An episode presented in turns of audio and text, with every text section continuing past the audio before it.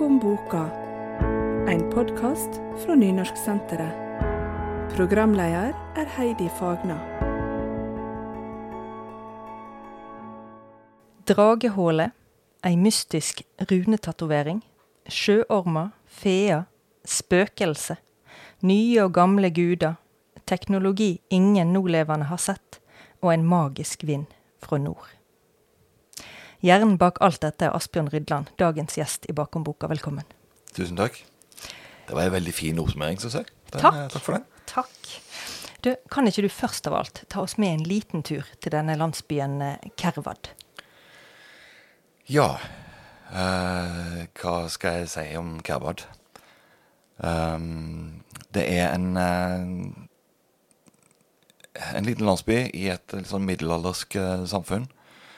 Eh, når jeg skrev eh, boka om eh, Drakegutten, så så jeg for meg på en måte norsk, nordeuropeisk eh, middelalder og miljø, og mørke skoger og eh, vill natur og, og sånne ting. Og en liten landsby som eh, der folk klarer seg sjøl og er litt sånn egne og vil, eh, vil helst bare styre med sitt. Eh, der stallgutten Koll er vår, vår helt, som vokser opp der.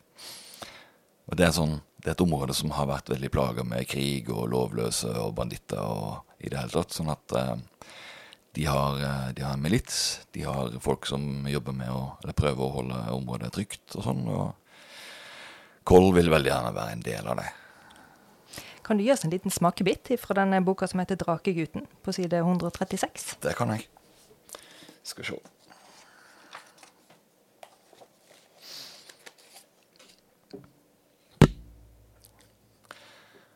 Tror du det fremdeles fins guder? spør Koll. Krefter som er større enn oss mennesker? Mirimani rister på hodet. Nei. Det finnes sterke krefter, og ting vi ikke forstår. Men gudene er døde.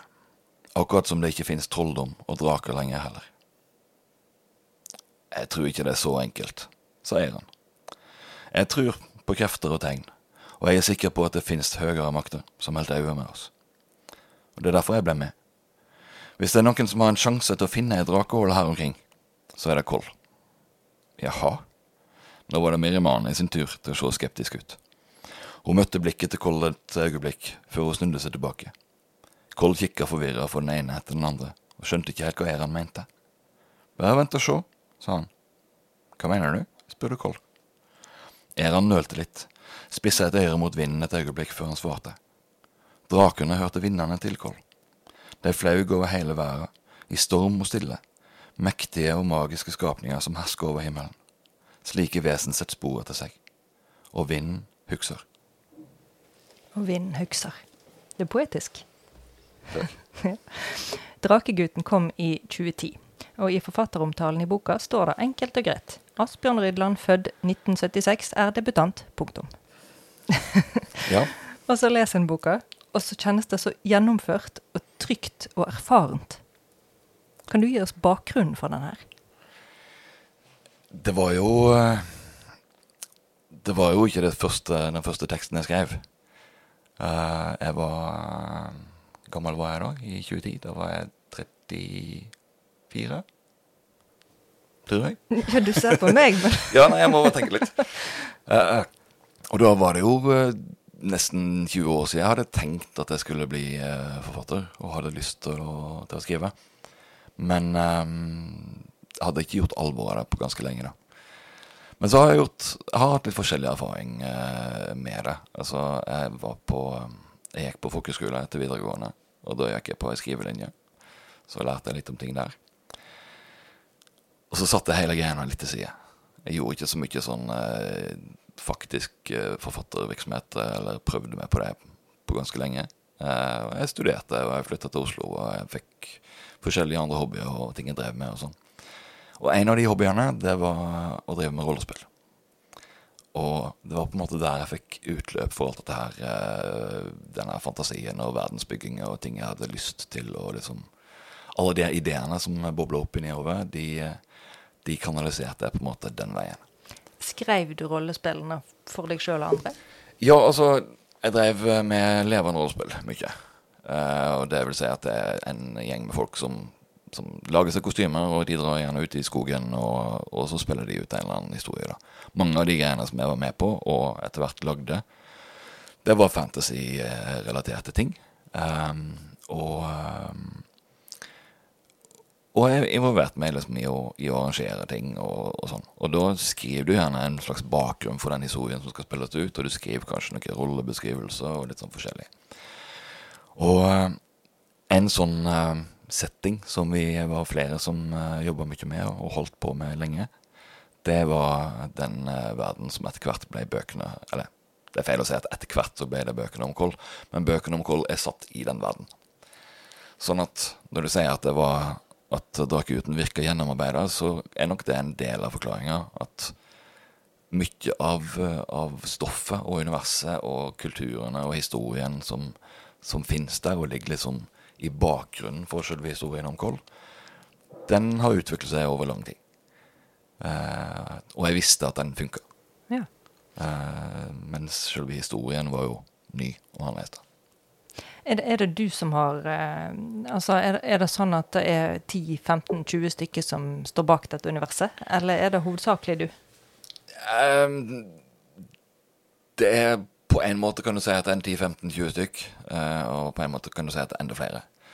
Um, det holdt på ganske lenge. Vi begynte med det sånn i 6-97 eller sånn, hvis jeg husker riktig. Uh, og siste gang det ble arrangert en live, et uh, rollespill i den settinga, er nå kanskje fire eller fem år siden. Så uh, det har vært jeg vet ikke, 30-40-50 arrangement i den, uh, den settinga. Og det har vært sikkert en 20-30 forskjellige arrangører som har vært gjennom. Og mange engasjerte deltakere som har satt sitt preg på ting Og det er jo det som er på en måte det nydelige med den, den, hobbyen og den måten å skape ting på, at det er et så kjempesamarbeidsprosjekt. Veldig felles uh, prosjekt. Og av alle de som engasjerte seg, så da, har, har, vi hatt noen som har kanskje laget forskjellige liver. Noen som har vært ansvarlig for en kultur og liksom tatt den og den nasjonen eller det og det folkeslaget, og så er det de som på en måte er autoriteten på det. Uh, jeg var en av de tre-fire første som Vi lagde de første uh, løvene. Og etter hvert som det ble veldig mange flere folk etter involvert, så, så fikk jeg en slags sånn koordinatorfunksjon i det hele. Uh, men det er absolutt ikke kun mitt prosjekt, nei. Mm -hmm. Men Har du fått alle disse samarbeidspartnerne dine til å lese bøkene om Drakegutten? jeg har ikke tvinga dem. men jeg tror det er mange av de som har gjort det likevel. Ja. Eh, har, de, har, du fått tilbakemeldinger på at de syns du forvalter universet godt? Ja, det syns jeg. Det er ingen som har klaga. Nei. For meg var jo dette et helt nytt univers, eh, og jeg syns at dette var bare veldig, veldig godt å lese, rett og slett. Vi møter han Koll. Han er 13 år. Stemmer. Han bor i landsbyen Kervad, og han bruker dagene på å hjelpe faren i stallen. Dette er jo et ganske vanlig liv i middelalderen, som var der jeg òg ble plassert inn i hodet mitt. da. Og så dukker det opp en bit av et drakeegg. Ja. Er det viktig å, å, suge oss inn i det realistiske først? Ja, jeg syns det. Eh, og det er litt Det er litt for å være tru til den verden som, som jeg ville vise, og som jeg er glad i. Eh, for der er det lite magi, og de få tingene som er magiske, de framstår mye sterkere. Eh, og så er det viktig for historien at Koll han lever i et ganske sånn jordnært og, og litt hardt uh, samfunn. Og så plutselig ramler det ting ned i livet hans som, som, ikke bare gir han muligheter han har drømt om, men det åpner muligheter han, han aldri har tenkt seg. Uh, og dette med drakeegget er jo en, er starten på det. Mm. Der begynner det. Og så uh, varer det jo lenge. Ja. 'Drakegutten' det er den første boka i en serie på fem. Jeg har telt, og Soga om Koll er på 1723 sider. Ja. Har du telt? det har jeg faktisk gjort en gang. Ja. Det var når jeg hadde skrevet ferdig femte boka, så uh, måtte jeg oppsummere sånn Ja, OK, greit. Ja, det var blitt en del. og tenkte du da jepp, det var akkurat det som var planen, jeg skulle skrive 1723 sider? Så detaljert har jeg ikke planlagt. Men, um, og faktisk til å begynne med så var jeg jo bare sjeleglad for at jeg fikk muligheten til å skrive ei bok. Uh, og hvis du leser hvis du leser hele serien, så ser du nok at første boka kan stå helt fint på egen hånd, og være ferdig og greit. Du trenger ikke vite mer. Men når jeg satt og skrev, så hadde jeg jo en ja, Det er jo ikke noe spoiler å si at eh, Koll overlever første bok, og dermed så har han jo et liv videre. Og jeg begynte jo å spekulere på hva, hva skjer med han etterpå. Hvordan går dette her, egentlig? Og når da redaktøren min kom og spurte om det kunne være aktuelt å skrive noen flere bøker om han, om det var en serie og, som da lurte der, så eh, sa jeg jo selvfølgelig ja takk med en gang. Og det, men selv om jeg ikke visste sidetallet, så var jeg ganske sikker på at det kom til å bli fem bøker på det tidspunktet. Ok, hvorfor det? Fordi at um, hovedskjelettet i denne historien er de endringene som Koll går gjennom i hver bok. Um, og jeg hadde en tanke om at hvis jeg skal fortelle hele historien til Koll, så visste jeg jo hvor, hvor jeg ville at han skulle ende opp. Og jeg visste hvor han begynte. Så så jeg for meg hva må til for at han skal komme fra punkt A til punkt E. Uh, og da måtte det bli, bli fem bøker. Og den lytteren som ennå ikke har lest bøkene dine, hører at alt er gjennomtenkt og gjennomarbeid. Selvfølgelig. ja. Um, jeg lurte på én ting. For noen ganger når en leser en bok, så skjønner en at uh, forfatteren må på en måte lage universet etter hvert som det skal skje noe nytt. Uh, ja. Og det var jo det som var veldig annerledes her, da. At jeg kjente hele tida at dette her er ikke bare kulisser, det er et univers. Mm. Uh, tenker du da det er lettere å vite for din del som forfatter da, hva som skal skje, enn når du må da i tillegg dikte opp verden etter hvert? Oi. Eh, godt spørsmål. Jeg vet ikke om det har så mye å si. Jeg tror at du har lettere for å se mulighetene som finnes i, i universet du jobber med. Og så hvis jeg, hvis jeg begynner å skal dikte opp helt fra, fra nytt, så, så leter jeg kanskje litt mer i blinde. At eh, når når universet blir til, blir til, mens jeg skriver, så har jeg på en måte ikke noe Det har ikke de samme holdepunktene som jeg hadde med Drakeguten-bøkene. Så det kan nok være at du er inne på noe der, altså. Hmm. Um, og så tenkte jeg på disse her navnene. Hovedpersonen heter Koll. Og så møter vi Seir og Jam og Eran og Eilund. Hvorfor har de laga egne navn? For at det skal være en annen verden. Jeg vil at det skal være altså, ting en kan kjenne igjen, selvfølgelig. Eh, det er jo vi, De har hester, de har vogner, de har ting som vi kjenner igjen fra vår egen historie. De har jo til og med kaffe. Eh, men eh, jeg vil at det skal føles annerledes, og at navnet er en så sterk del av identiteten til en karakter at, uh, at det er viktig hva, hva folk heter. da. Enten så, må, enten så må det være en slags harmoni med lyden og følelsen av et navn og den karakteren som, uh, som det skal beskrive. Eller så må det gå på tvers og være en kontrast. Mm -hmm. uh, stort sett så går jeg for at det skal harmonisere litt. Mm -hmm. uh, for eksempel med Koll, så jeg vil at Altså, Koll er et litt enkelt navn. Du føler at det kan være litt sånn jordnært, og, og det, er ikke, det, er ikke, et adelig fint folkenavn, på en måte. Det er mer en, en bonde eller en, en en uh, nøktern skikkelse. da. Og så er det litt sånn hardt. Det er litt sånn hardtslående. Det, det har en smell i seg. Ja, det er sant. Uh, og uh, når en leser bøkene, så ser en jo at det er mye smell i historien og i, i Koll. Mm -hmm. Så det er litt der. og jeg må innrømme noe. Eh, vanligvis så leser jeg alt av en forfatter før jeg gjør disse her intervjuene. Men når jeg starta på 'Drakegutten', så fikk jeg nesten litt sånn hakeslepp. Fordi at boka tok meg bare fra første setning. Uh, dette her er et univers som jeg kan tro på, og som jeg kan leve seg inn i, og som jeg kan drømme seg tilbake til. Så av hensyn til meg sjøl, sånn at jeg kan lese de i ro og fred og kose meg med de, så har jeg kun lest nummer én nå, ja, okay. før vi skulle ja. møtes. da skal ikke jeg avsløre for mye. Nei, jeg må ikke avsløre så mye, men jeg skjønte at han kom til å overleve, så da gikk bra. Ja. Syns du det er rystende at jeg ikke har lest alt og forberedt meg enda mer? Uh, nei, jeg syns jeg kan tilgi deg det, altså. Det, og jeg, særlig med den begrunnelsen. Ja, så synes jeg det er veldig fint. jeg la det inn først for å smiske litt. Men det er sant. det er sant. Du, jeg tenkte uh, kanskje vi kunne lese, sånn at folk får, får, en følelse av disse tingene jeg snakker om. Hvis vi ser helt i starten av uh, 'Drakegutten', der har du skrevet en prolog. Um, jeg har gjerne lyst til å lese de første setningene, og så ønsker jeg at du tar over, sånn at folk eh, får ja. kjenne litt på prologen din. Det kan vi gjøre. Boka di starter altså som følgende. Dette er ei gammal vær, fødd på ny. Der magien før flaut fri som sang, i og mellom alt levende. Draker flaug over himmelen, og guder og demoner striddes åpent, er nå berre mennesker att. Det fins mange bygder og landsbyer i denne verden. Både kjente og ukjente. Og det har alle en historie eller tre å fortelle. Kan hende er ikke alle sorgene like store og viktige, men hvem kan si hva som er viktig og ikke? Noen av de er kanskje bare sladder og prat, så vidt spennende nok til å bli fortalt et par ganger på vertshuset, før den neste skrøna kommer rekende og fanger oppmerksomheten til folk. Kanskje noen tar dem fram att rundt bålet en sommerkveld, men ellers er det ingen som nevner det lenger. Dette er ikke ei av de sorgene. Andre blir huksa lenge og vel. De blir fortalt ved peisen om kvelden, kviska ved sengekanten fra mor til barn, og mange år etter kan folk nikke til hverandre og peke på de historien handler om. Kanskje de ler litt av det som skjedde den gangen. Kanskje de greit en liten skvett, for noen sorger er triste, men gode likevel. Men de husker.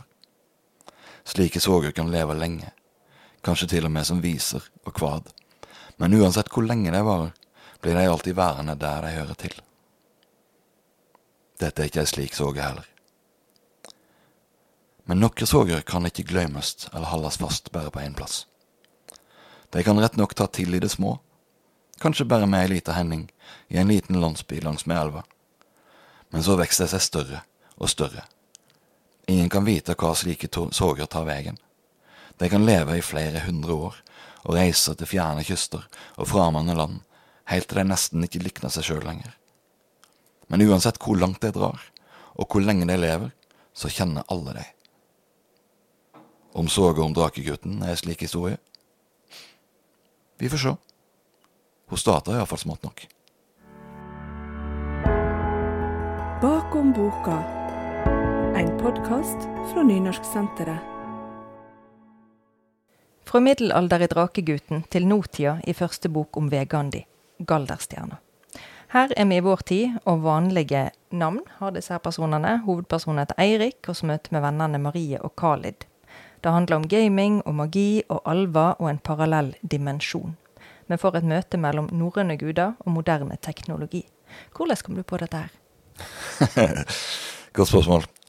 Um, det begynte litt med at jeg hadde lyst til å gjøre noe litt annet enn uh, en, uh, Drakegutten-serien. Uh, for da hadde jeg da skrevet fem bøker som var satt kun i en helt annen verden, og hadde ikke noe med vår virkelighet å gjøre. Uh, så nå hadde jeg lyst til å skrive noe som blanda litt. Og det er jo en sånn såkalt uh, portal-fantasy-historie, der en hovedperson fra vår verden blir dratt inn i, eller transportert inn i en, en annen dimensjon. Litt sånn som i Narnia eller Den uendelige historien eller de forskjellige greiene der. Og utgangsideen min var litt en sånn På en måte en slags rip-off av, uh, av Den uendelige historien. Uh, som jo begynner med Eller der et viktig element er at uh, en av hovedpersonene sitter og leser ei bok. Og blir dratt inn i, i en annen verden. Men bare at det skulle ikke være bok. Det skulle være et dataspill. Og det var der det begynte. Så baller det på seg litt, fordi eh, når jeg jobber fram en historie, så, så, begynner det gjerne med en sånn enkelt idé, og så prøver jeg liksom å legge på nye ting og finne ut hva kan jeg gjøre ut av dette her, og få det til å fungere. Og da tok jeg mange ting som jeg likte, og hadde lyst til å blande sammen til en historie. Det ble mye norrøn referanse og gamle norske norrøne guder og den type ting. Gaming skulle være et sterkt element. Jeg ville at det skulle være en del humor. Um, og når jeg begynner å røre dette her sammen, så dukker det opp mange spørsmål, og så må jeg finne noen svar. Og etter hvert så, så blir det mer og mer tydelig, da. Høres ut som du har hatt det gøy underveis. Ja, helt klart. Det å, å koke i hop, eh, særlig Gallastjerna, var, det var artig. For det blir en sånn um, En tanke om at ok, det skal være fantasy, da må det være noe magi. Uh, men jeg vil at dataspill skal være et viktig element. Da må det være teknologi. Hvordan samhandler egentlig magi og teknologi? Hva er greia her? Eh, er det samme tingen? Er det motstridende krefter? Og så videre. Mm. Eh, språklig det syns jeg var veldig interessant, for her er både norrønt og, og håvamål. Eh, du har en alv som heter Arendil, som snakker med håvamål. Kan du lese det til oss? Ja, hun har flere sånne små, små sitater og vers og ting og tang som er iallfall mer eller mindre rett eh, tatt ut av Håvamål. For eksempel så sier hun at eh, er du halt, kan du ria. Er du handlaus, gjeta. Er du dauv, kan du duga i strid. Blinda betre enn brend å være. Dau men en lite duga. Vakkert. Jeg tenker du koste deg når du satt og pønsket ut disse der òg. Ja, jeg gjorde det. det men den her eh, ja, Hva skal jeg si? Den motstridende i å ha uh, hun som er en, en alv, som du sier, fra denne andre dimensjonen, og, og ha en helt annen eh, følelse, en helt annen kulturell eh, bakgrunn og sånn, snakker jo da annerledes enn eh, hovedpersonen, som er en moderne norsk eh, ungdom. Og der der han og vennene prater sammen, så er det en del engelsk strødd inn, og det er mange moderne referanser og sånne ting. Og så får du et helt annet språk som han kolliderer med, og som han ikke alltid helt skjønner. Han forstår ikke alltid hva hun sier. Eh, jeg har fått noen tilbakemeldinger på at eh, det er ikke alltid helt enkelt å lese hva det er Arendil har å, å melde, men eh, det får være. Er ikke det sunt for oss da å bryne oss litt på det vi ikke helt forstår? Jo, jeg tror det. Og så mm, tenker jeg at det, det, språklige bidraget i historien er vel verdt det, sånn sett. Mm. Han eh, Hovedpersonen eh, Eirik, eh, er det en avsløring å si at han etter hvert vært en vegandi? Altså en som kan reise mellom dimensjonene? Nei, det står ikke der bakpå, nesten. Det kan faktisk hende. Da var det i hvert fall ikke en avsløring. og når han er en sånn vegandi, da snakker han norrønt. Ja. Hvor eh, tid skjønte du at språket blir viktig for meg i denne boka? Det var ganske tidlig, egentlig, fordi jeg trengte en måte å markere det magiske på. Um, uten at jeg hadde lyst til å bare finne på helt uh, nye magi, magiske ord og abrakadabra og, og sånn. Fordi sånn som jeg har gjort det med at det er norrøne fraser og norrøne ord som blir brukt på, på de magiske uh, effektene, altså på galdrene som blir kasta og, og sånn, så så er det både veldig på en måte hverdagslig og prosaisk, for han skildrer bare hva som skal skje, men han skildrer det på et annet språk. Eh, og for å fange begge de to tingene, så måtte jeg bruke noe som var eh, ja, nært, men ikke helt nært. Så eh, har jeg selvfølgelig fått hjelp etter hvert på å finpusse det, så det skal henge mer eller mindre på grep på sånn eh, språklig, men eh, jeg skal ikke garantere at det er 100 feilfritt. Er ikke du flytende i norrønt? Er ikke det. Nei. Men jeg vet om folk som er det. Så det. Imponerende. Du, eh, denne boka, 'Galderstjerna', den første om disse her eh, vegandierne, den eh, fikk jo rett og slett uh, U-prisen. Ungdommens egen uh, pris. Hva var det du trefte godt med her, tror du? Jeg tror det er den blandinga av, uh, av ting som mange ungdommer kjenner seg igjen i. Altså den her gamingtanken og, og måten de her, dette trekløveret er sammen på. Eh, og at det er spennende, og at det er actionfylt, og at det er noe som de ikke har lest før. Uh, jeg er jo ikke den eneste som bruker norrøne referanser og norrøne guder og sånne ting i, i fantasyhistorier, men jeg vet ikke om at noen har brukt de på samme måten uh, som meg. Um, og det var litt det som juryen trakk for meg, at dette her var annerledes. De hadde ikke lest noe sånt før. Og så er det jo, tror jeg det må være rett og slett bare at de syns det er god historie. Mm. Har du merka at uh, du har nådd et større publikum etter at du fikk den prisen? Ja, litt. Det har jeg. Uh, det er vanskelig å ha en god følelse for uh, akkurat det der. Det er ikke sånn at det har en måte rent inn med fanmail og, og sånn. Det er ikke der. det? Er ikke der. Men jeg hadde jo en del av hele U-prisopplegget er jo at det blir en del reising rundt og mye skolebesøk og, og sånne ting. Og da er det klart det er mange som kjenner til, kjenner til den boka og syns det er bra. Bok i tykkist god. Du kunne fått noen sånne norrøne Håvamåls-e-poster. Det hadde Det skulle jeg kanskje gjort. Kanskje jeg skulle finne noen sånne ting. Ja. Vi starta denne her praten vår i middelalderen, og så holdt vi fram nå i nåtida, og straks tar vi et byks inn i framtida. Hvilken tid trives du best å skrive i? Begge deler syns jeg er veldig gøy. Altså, Jeg har alltid vært veldig glad i både fantasy og science fiction-litteratur. Um, av forskjellige grunner. Uh, Eller beslekta, men forskjellige grunner. Fantasy er litt sånn virkelighetsflukt. Det der å på en måte bli sugd inn i en, en annen verden og en annen, en annen tid. Uh, og, og oppleve en historie som ofte er ganske universell i hva det handler om. Altså, det er store temaer. Sant? Det er godt og vondt, og det er lojalitet, og det er vennskap, og det er alle de her tingene som, som er evige, egentlig. Uh, science fiction og framtidshistorie og sånne ting, da føler jeg at jeg kan ta mer tak i ting som er aktuelt. Og, eh, og eh, som skjer i dag, og som møter oss i, i nær framtid. Det er jo litt av det jeg syns er fint med Altså, mye god sci-fi tar utgangspunkt i problemer og utfordringer og strømminger i samfunnet i dag, og så skrur de på en måte volumet opp til 11 og eh, ser hvor ille kan dette gå. Mm. For, uh, for de, de, bøkene man snakker om frem til nå, det, det, er på en måte eventyrfortellinger. Mens, ja. mens den neste den kan også leses som en, en dystopi, egentlig.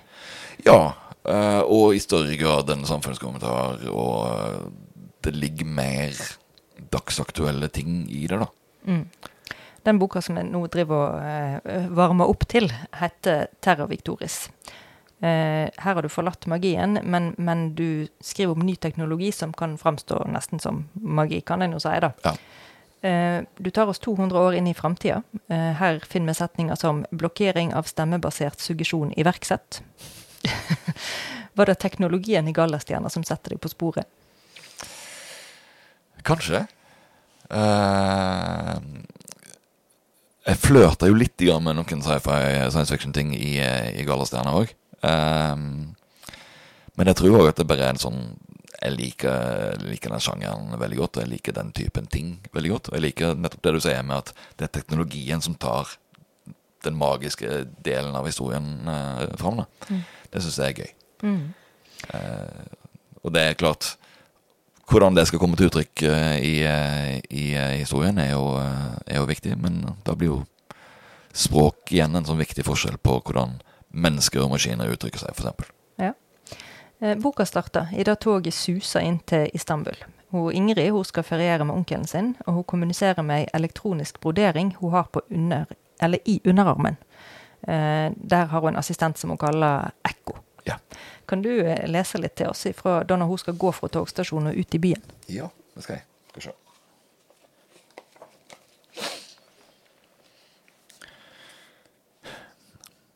Det prikka i elektronbroderinga henne da hun gikk gjennom porten. Men hun tenkte ikke noe særlig over det. Slikt var rutinen når hun gikk inn og ut av alt fra skoler til markeder og andre offentlige bygg og områder. En ble filma og skanna fra topp til tå og fra inst til ytst, medan datamaskiner og digitale assistenter tok seg av alt det praktiske, som reisedokument, vaksinestatus eller inngangsbetaling. Om Ingrid ville, så kunne hun alltids ha ordna det sjøl, eller spørre Ekko om detaljene etterpå, men hvem brydde seg med sånt? Det ville vært like tullete som å kreve å få oppskrifter på en god restaurantmiddag, eller på døde liv insistere på å koble ut sjåføren i bilen sin og kjøre sjøl. Det var strengt tatt ikke noe gale med det, men en ble fort sett på som litt smårar. Dette er ei framtidsbok fra Tyrkia. Eh, her er rester av det gamle samfunnet, altså dagens samfunn, kombinert med et nytt høyteknologisamfunn. Her er to hovedpersoner. Ei norsk jente som er relativt privilegert, hun Ingrid. Og så er det en tyrkisk gutt som er gateselger. Hvordan kom du fram til at det skulle handle om akkurat deg? Det er fordi at veldig sentralt i historien er de store forskjellene. Eh, det er enorm forskjell på de som har mye og de som har lite. Eh, og for å vise det tydelig nok, så trengte jeg et perspektiv fra begge sider. Og uh, nå er ikke Ingrid på en måte helt på toppen av, av stigen på noen måte. Hun er en vanlig norsk middelklasse, vil kunne si. Altså, norsk, nordisk, et eller annet. Hun tilhører en familie som har de har, stø, de har en god jobb, og de er kobla til et større selskap som tar vare på de, og det her er et samfunn der nasjonalstatene kanskje ikke er like viktige lenger, men det, så lenge du har en trygg arbeidsgiver, så har du det meste på, på stell. Hvis du ramler utafor, så kan det være verre. Seki er utafor systemet fordi at uh, faren hans mista jobben, og de havna nesten på gata.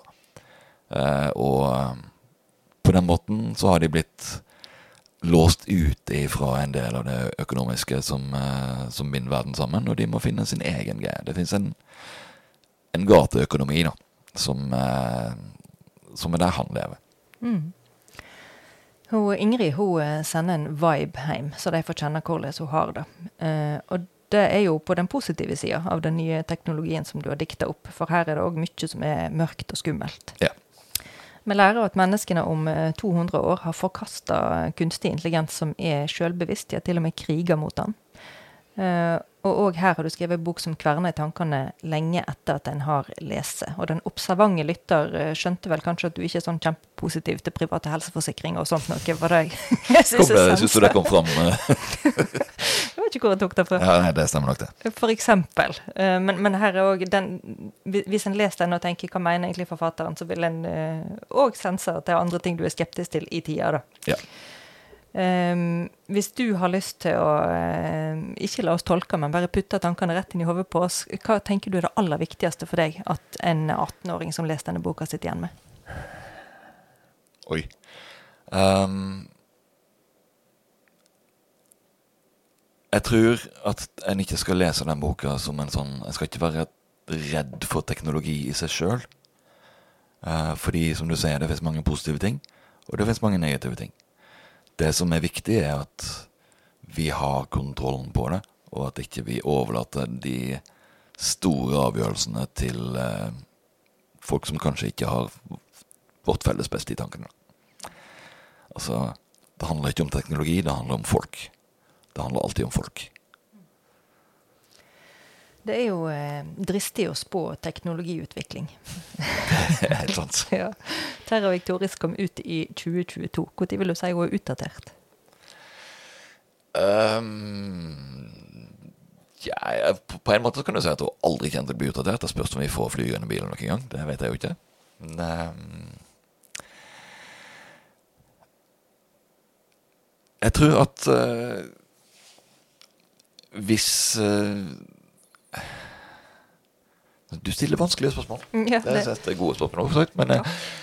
um, Om det blir utdatert eller ikke, det kan du jo se på på to måter. Enten så handler det om de spørsmålene som blir stilt, og hva historien handler om.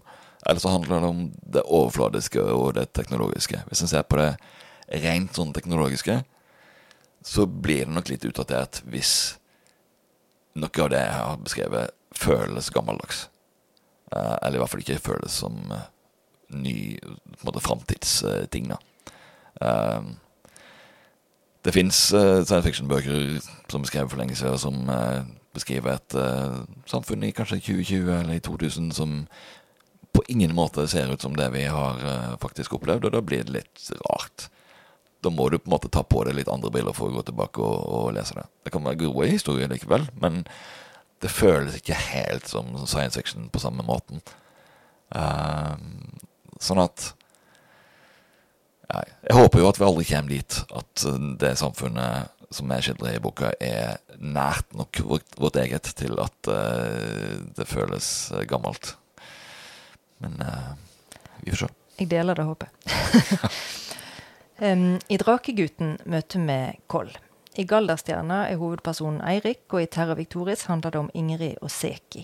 Eh, hvis vi tar alle disse her eh, hovedpersonene dine under ett, er de utvalgte, eller er de tilfeldig plasserte ungdommer? Uh, de er ganske tilfeldige. Jeg har lekt med tanken på litt forskjellige. Uh, altså Koll han er på en måte tilfeldig bare har fått denne, denne evnen, denne gaven, etter at nordavinden pratet til han. Um, I bakgrunnen så Nå husker jeg ikke om jeg skrev, faktisk skrev det i boka eller ikke, men jeg lekte med tanken på at det var gjort med vilje. At noen hadde på en måte forma han. Mm -hmm. um, men um, det er på en måte det med å, å han, hovedpoenget er på en måte at han har fått den greia, og han, og han får ikke noe svar på hva det er meninga at han skal bruke det til. Det fins ingen plan. Uh, han må liksom bestemme det sjøl. Eh, og det, det, er litt sentralt, egentlig. For Eirik i Gallerstjerna så er han der eh, har jeg ikke egentlig lyst til å svare på spørsmålet. Eh, fordi den historien er ikke helt ferdig skrevet ennå, og eh, det er litt uklart. Eh, men Ingrid er definitivt tilfeldig. Hun snubler opp i en uh, ting og uh, får et stort problem og eh, en vanskelig situasjon eh, i fanget, og har ikke så mye valg, egentlig. Hun blir på en måte fanga av Uten å se for mye av historien, så er det jo eh, Hun kommer jo til Istanbul for å møte onkelen sin, og så når hun er der, så finner hun han ikke, og hun får ikke noe svar. Og hun eh, drar til slutt drar til hotellrommet der de skal møtes, og finner at noen har vært og ransaket hotellrommet hans og sånne ting, så onkelen er vekke. Og alt hun vil til å begynne med, er å, å finne han og måtte finne ut av om det står bra til med han. Og så eh, blir hun da fanga i et litt større, litt større spill. Der det aldri egentlig er Eller til å begynne med iallfall, så er det ikke de store spørsmålene som er hennes uh, fokus, men så har hun ikke så mye valg etter hvert. Ja. Eh, alle disse bøkene dine er for ungdommer, fra rundt tolv år og til unge voksne. Hvorfor er dette gruppa du vil skrive for? Det er litt tilfeldig. Eh, det begynte nok litt med at eh, når jeg begynte å skrive 'Drakegutten', så var det, og jeg tror det fremdeles er sånn, enklere å få gitt ut fantasy for ungdom enn for voksne i Norge. Ah, ja.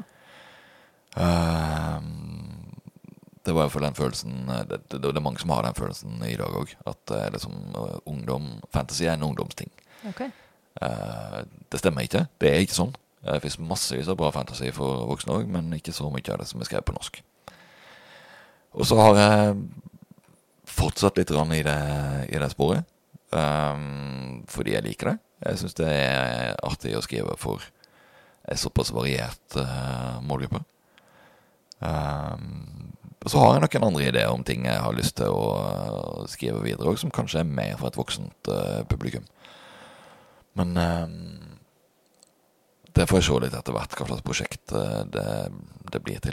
Og så er det òg en greie med fantasy, syns jeg iallfall, at som jeg sa i stad, historiene er ganske, ganske universelle. At de store de problemene og konfliktene og utfordringene som er der, de kan være akkurat de samme eh, for en seksåring og for en 30-åring. Store forskjellen er hvor komplisert du skildrer det, og hvor mye sex og vold du har inni boka. Historien er den samme.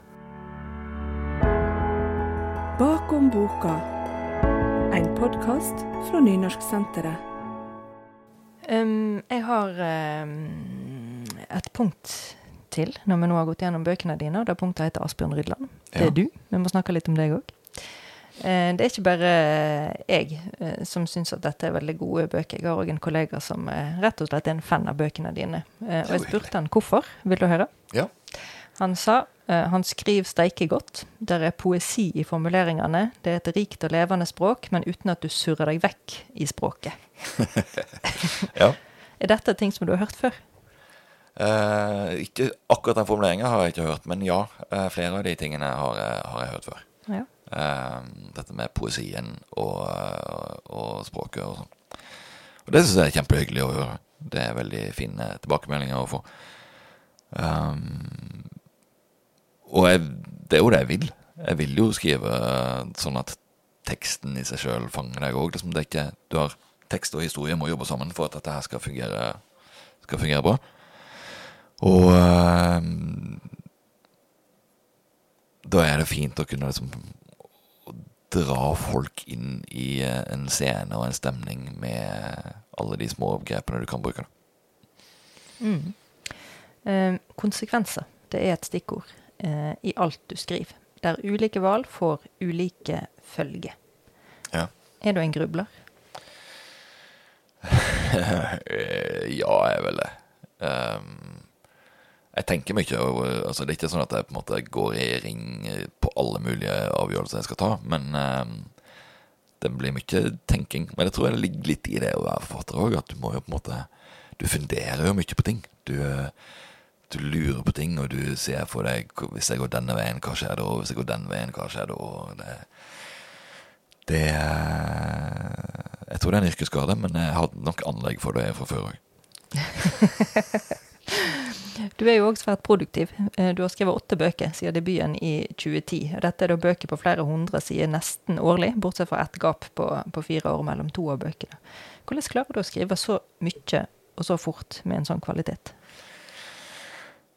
Ehm, det handler vel om å ha lyst til å skrive den historien.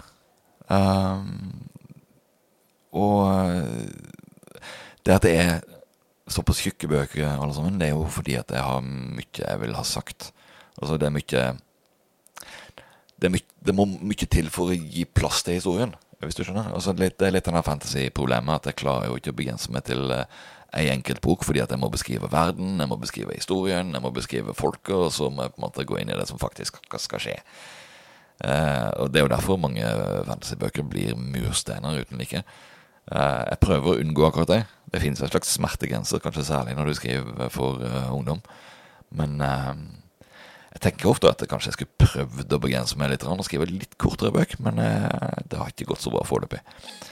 Eller det har i hvert fall gått på skrive langt, men jeg klarer ikke å, å, å begrense det. Og det er litt fordi at jeg føler at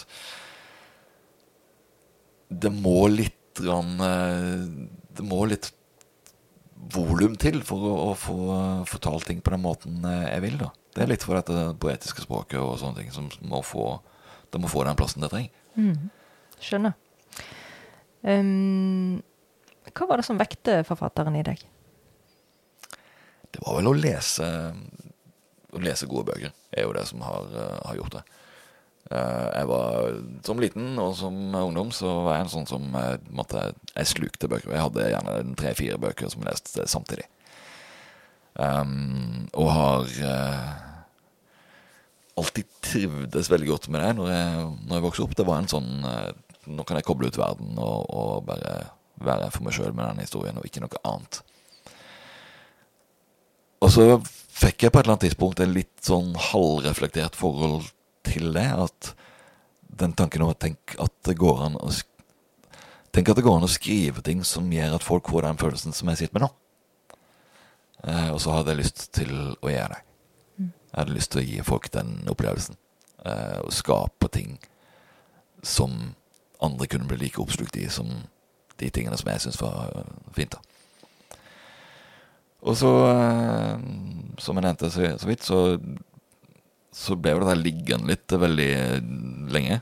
Og jeg var veldig lenge fornøyd med å bare skape og lage og leve og spille ut historier i rollespill og, og sånn. Um, men så kom det et par kom et tidspunkt der jeg, jeg var ferdig å studere og hadde prøvd å få skaffe meg en skikkelig jobb innenfor det jeg skulle hadde studert. Og det var vanskelig. Jeg fant ikke noe jeg likte. Og da de tingene jeg likte, så var det altfor mange andre folk som ville ha den samme jobben. Og da tenkte jeg at ok, kanskje jeg skal prøve å gjøre alvor av dette her, da. Uh, og da var det òg ei annen bok som gjorde at jeg på en måte fikk et slags spark bak da, som, som tente den gnisten igjen. Hva bok var det? Det var en uh, Det var òg en science fiction-historie. Uh, engelsk forfatter som heter Richard Morgan. 'Altered Carbon' heter den boka. Mm -hmm. det er en sånn blanding av uh, framtidsdystopi og en noir uh, detektivhistorie. Uh, og det som gjorde det sånn Det som virkelig ga meg lyst til å prøve å, å, å plukke opp og skrive ting, var at han forfatteren, han er Du vet den her greia i, i, de gamle noir-fortellingene der, der du har det hovedpersonen forteller sjøl. Eh, og så har han sånne fantastiske bilder og, og, og beskrivelser av ting rundt seg. Eh, som, er, som har litt den der poesien i seg, og som er sånn Både litt sånn tørr og kynisk syn på verden, men samtidig eh, veldig skarpe observasjoner og poetisk eh, språk. Eh, og når jeg leste det, så tenkte jeg at wow, dette har jeg lyst til å få til. Eh, så det er et mål. Fantastisk å bli inspirert sånn. Ja. Husker du noen sterke leseopplevelser fra ungdomstida?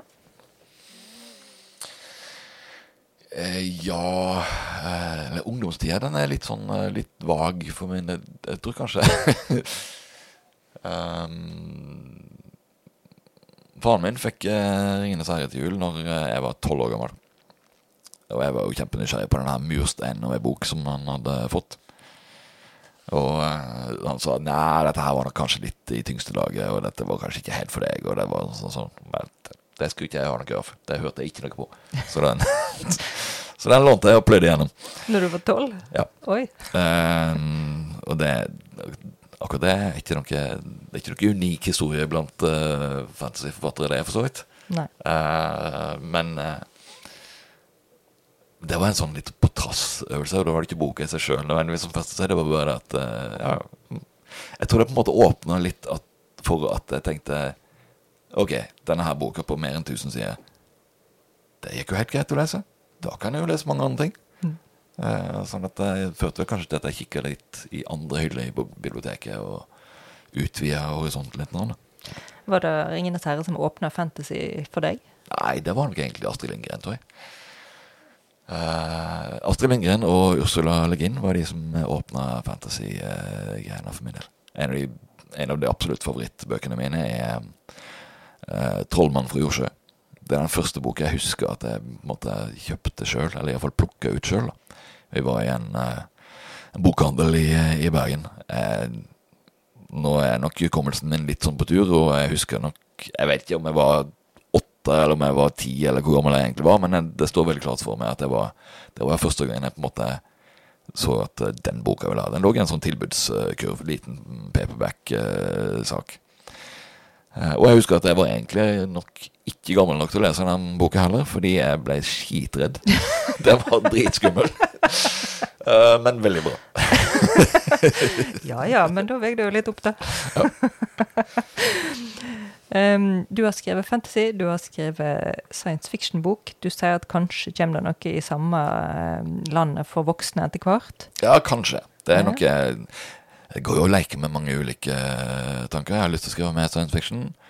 Jeg har Jeg har innimellom på en måte mer sånn eh, Mer standard thriller-ideer i, i hodet. Uh, men jeg tror nok det er litt utenfor det virkelighetsnære først. Hva slags bok kan du helt sikkert si at du skriver aldri? Aldri? Oi. Uh...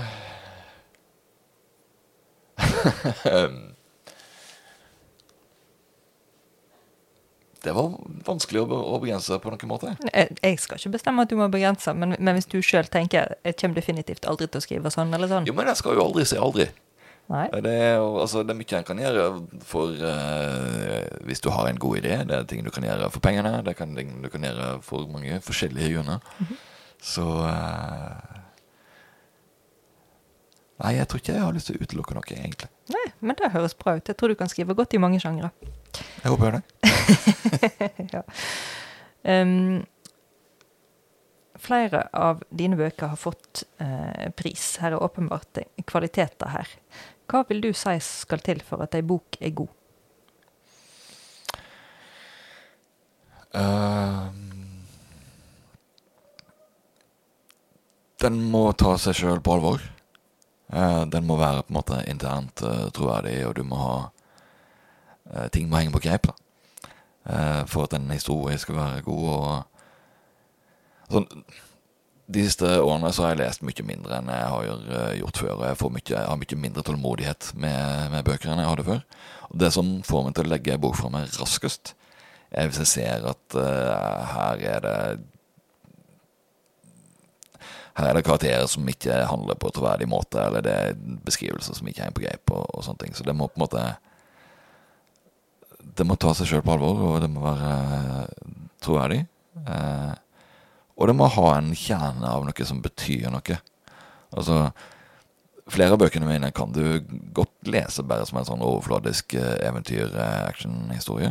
Eh, og forhåpentligvis få mye ut av det. Men jeg prøver òg at det skal ligge noe dypere under der. Og jeg tror ikke at det som ligger på overflaten, hadde funka uten at det var noe mer. Fordi at um, det må ha noen Det må stå ting på spill. Det må være noe større temaer for at det skal være noe som gir mening, og er, som blir værende med det. da. Det tror jeg er viktig. Godt sagt. Tusen takk for at du var med i Bakom boka. Takk for at jeg fikk lov til å komme. Du har hørt Bakom boka, en podkast fra Nynorsksenteret. Programleder er Heidi Fagna.